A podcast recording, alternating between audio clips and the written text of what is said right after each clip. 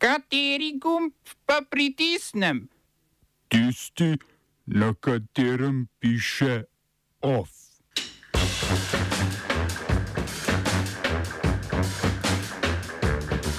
Rusko jedrsko orožje kmalo tudi v Belorusiji. Netanjahu odstavil obramnega ministra in preživel glasovanje o nezaupnicah. Honduras prekinil diplomatske odnose s Tajvanom in suverenost priznal Ljudski republiki Kitajski. Visokošolski sindikat zahteva odstop ministra Papiča.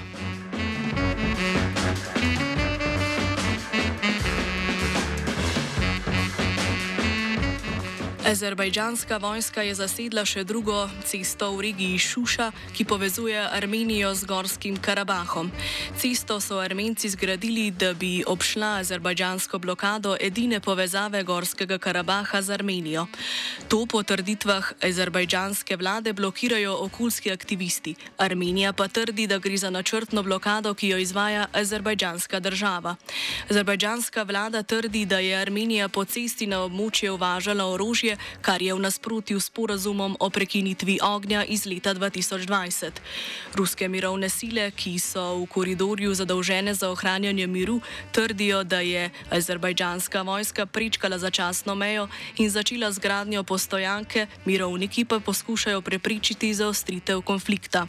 Gorski Karabah po mednarodnem pravu spada pod Azerbajdžan, a je od 90-ih let tam na oblasti vlada, ki sodeluje z Armenici. Na zadnje sta bila Azerbajdžan in Armenija za nadzor nad območjem v šesttedenski vojni konec leta 2020. Zmagal je Azerbajdžan, ki je zasedel več karabaških mest.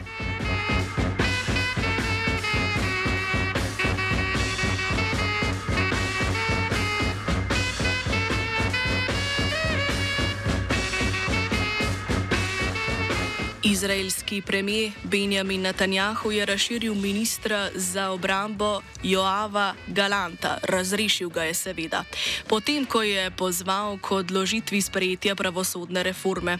Po poročanju Al Jazeera naj Galant ne bi nasprotoval sprejetju reforme sodstva, ampak naj bi zgolj pozival k prekinitvi procesa sprejetja zaradi judovskega praznika Pasha. Želel je namreč, da bi bilo glasovanje v Knesetu na izraelski dan neodvisnosti 26. aprila. Netanjahu pa želi, da bi bilo glasovanje že ta teden.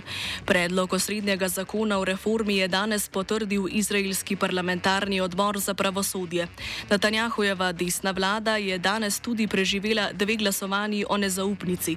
Že predtem pa je Netanjahu po poročanju izraelske državne radio televizije koaliciji sporočil, da bo sprejem zakonodaje začasno ustavil.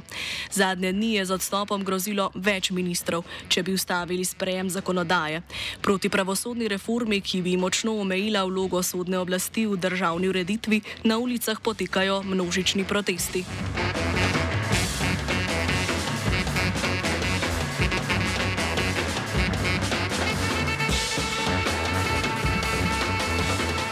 Mednarodno arbitražno sodišče je v sporu med Turčijo in Irakom glede izvoza surove nafte iz avtonomne regije Kurdistan odločilo upriti Iraku.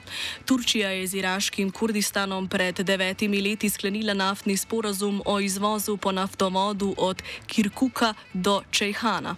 Irak je trdil, da iraški Kurdistan zaradi sporazuma o tranzitu nafte iz leta 1973 nima pooblastil za izvoz energijskih virov brez soglasja Bagdada.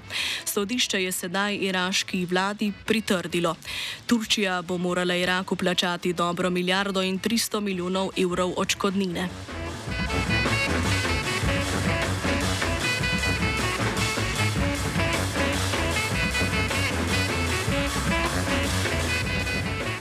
Honduras je prekinil diplomatske odnose s Tajvanom in jih vzpostavil s Kitajsko. Honduraško zunanje ministrstvo je sporočilo, da priznava samo eno Kitajsko, Tajvan pa je neločljiv del kitajskega teritorija. Tajvanski zunani minister Josep Wu je napovedal zaprtje ambasade v Teusigalpi in dogodek označil za del prisile in ustrahovanja, ki ga izvaja Kitajska. Tajvan za suverenega priznava še 13 neodvisnih držav.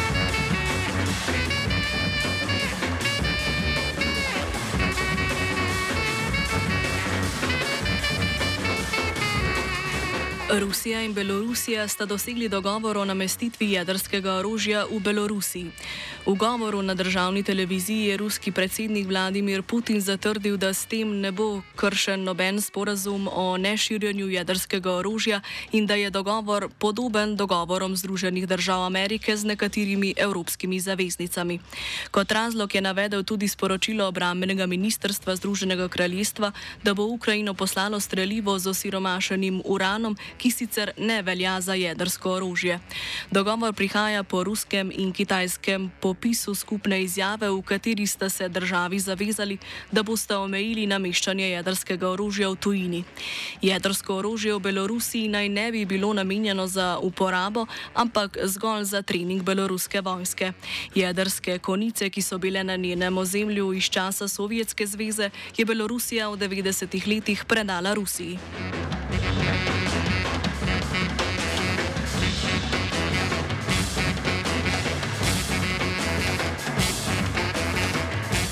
Ob polnoči se je v Nemčiji začela ena največjih stavk do sedaj. Delavke in delavci v letalskem, pomorskem, avtobusnem in železniškem prometu so prekinili z delom in zahtevajo više plače. Stavka naj bi trajala do konca dneva. Sindikat Verdi, drugi največji sindikat v državi z okoli dvema milijonoma članov, zahteva 9,5 odstotno zvišanje plač oziroma vsaj 500 evrov više mesečne plače za delavce v javnem prometu ter više dodatke za letališke delavce, ki delajo zvečer in med prazniki. Sindikat EVG, ki zastopa delavce v prometu, zahteva 12-odstotno zvišanje plač.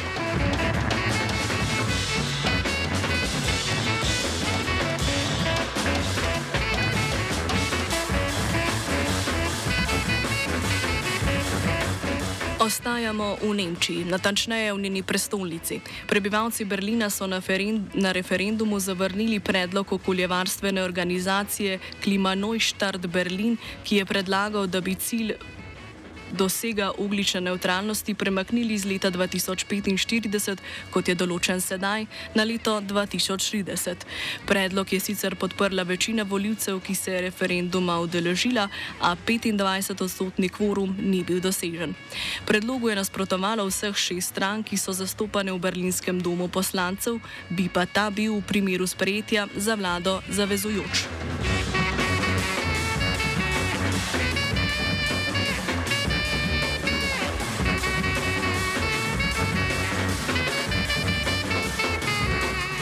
V Zenici gladovno stavka 15 članov sindikalnega odbora Rudnika Zenice, ker delavci niso dobili izplačanih plač in subvencij za tople obroke.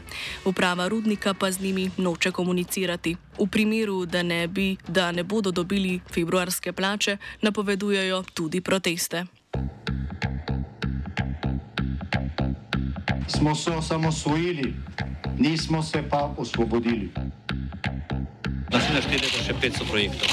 Izpiljene modele, kako so se strani nekdanje LDS rotirali. Ko to dvoje zmešamo v pravilno zmes, dobimo zgodbo o uspehu.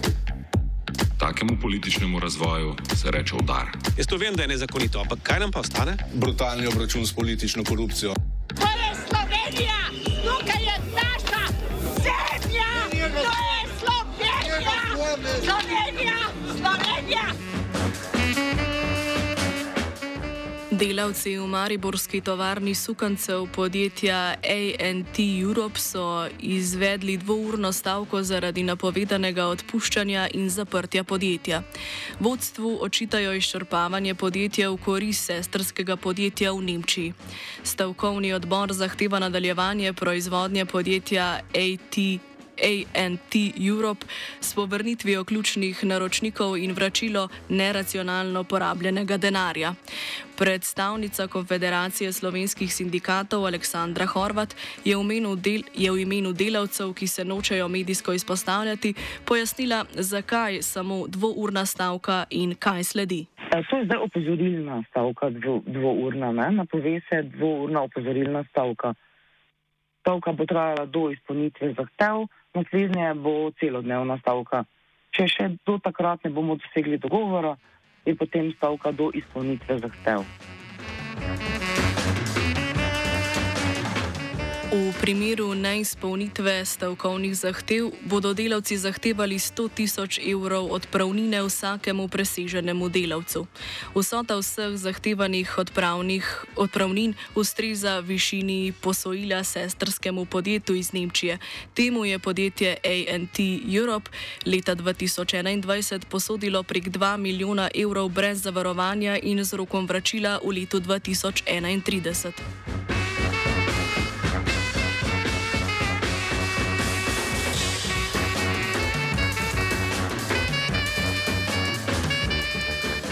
Odbor za notranje zadeve je pred eno uro nadaljeval prekinjeno petkovo sejo, na kateri obravnavajo novelo zakona o tujcih.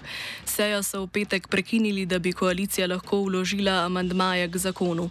Pred sejo sta amandmaje skupaj vložili poslanski skupini Svoboda in socialni demokrati. Levica pa jih ni, so podpisala, so je vložila svoje. Predlog gibanja Svoboda in socialnih demokratov predvideva uveljavitev dveh predhodnih obdobij. Če bo amandma sprejet, bo ta vladi nalagal sprejetje strategije za vključevanje tujcev.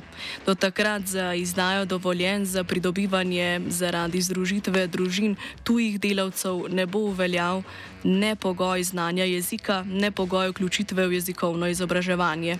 Za prošnje oddane po sprejetju strategije pa bo veljalo novo predhodno obdobje, ko bo od družinskih članov tujcev v Sloveniji zahtevano dokazilo o vključitvi v izobraževanje. Po dokončni uveljavitvi zakona novembra 2024 pa bo, kot je predvidela Janševa vlada, nujen izkaz znanja jezika na ravni A1. Akademskih 15.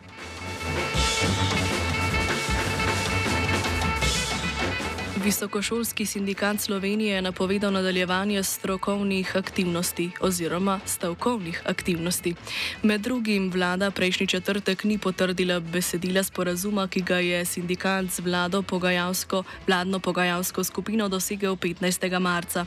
Nadalje je vlada dogovor o novem orientacijskem delovnem mestu v visokem šolstvu sklenila šolskim sindikatom SWIS. Predsednik visokošolskega sindikata Goras Kovači, Kovačič pa opozarja, da je Svis tem, pri tem pozabil na plačno skupino J. Prav tako za zaposlene v visokem šolstvu ostajajo tudi nekatera druga plačna nesorazmerja.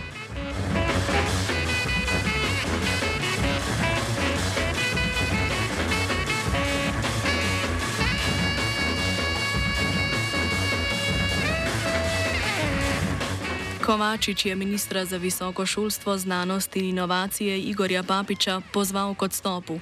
V sindikatu kot razlog za to navajajo, da se je minister po reorganizaciji vlade in novem ministrstvu posvetil predvsem področju inovacij. Visoko šolstvo pa je prepustil šolskemu ministru Darju Feldi. Kot so zapisali v izjavi za javnost, Papičev odstop zahtevajo, citiramo, ker je nesposoben in ker mu za univerze ni mar. Ponožujoč odnos vlade do univerz se po besedah Kovačeviča kaže tudi v tem, da Papič na zadnje pogajanje s sindikatom sploh ni prišel. Zaradi nekredibilnosti vlade sindikat zaostruje sindikalni boj, o datumih nadaljnih aktivnosti pa bodo obvestili naknadno.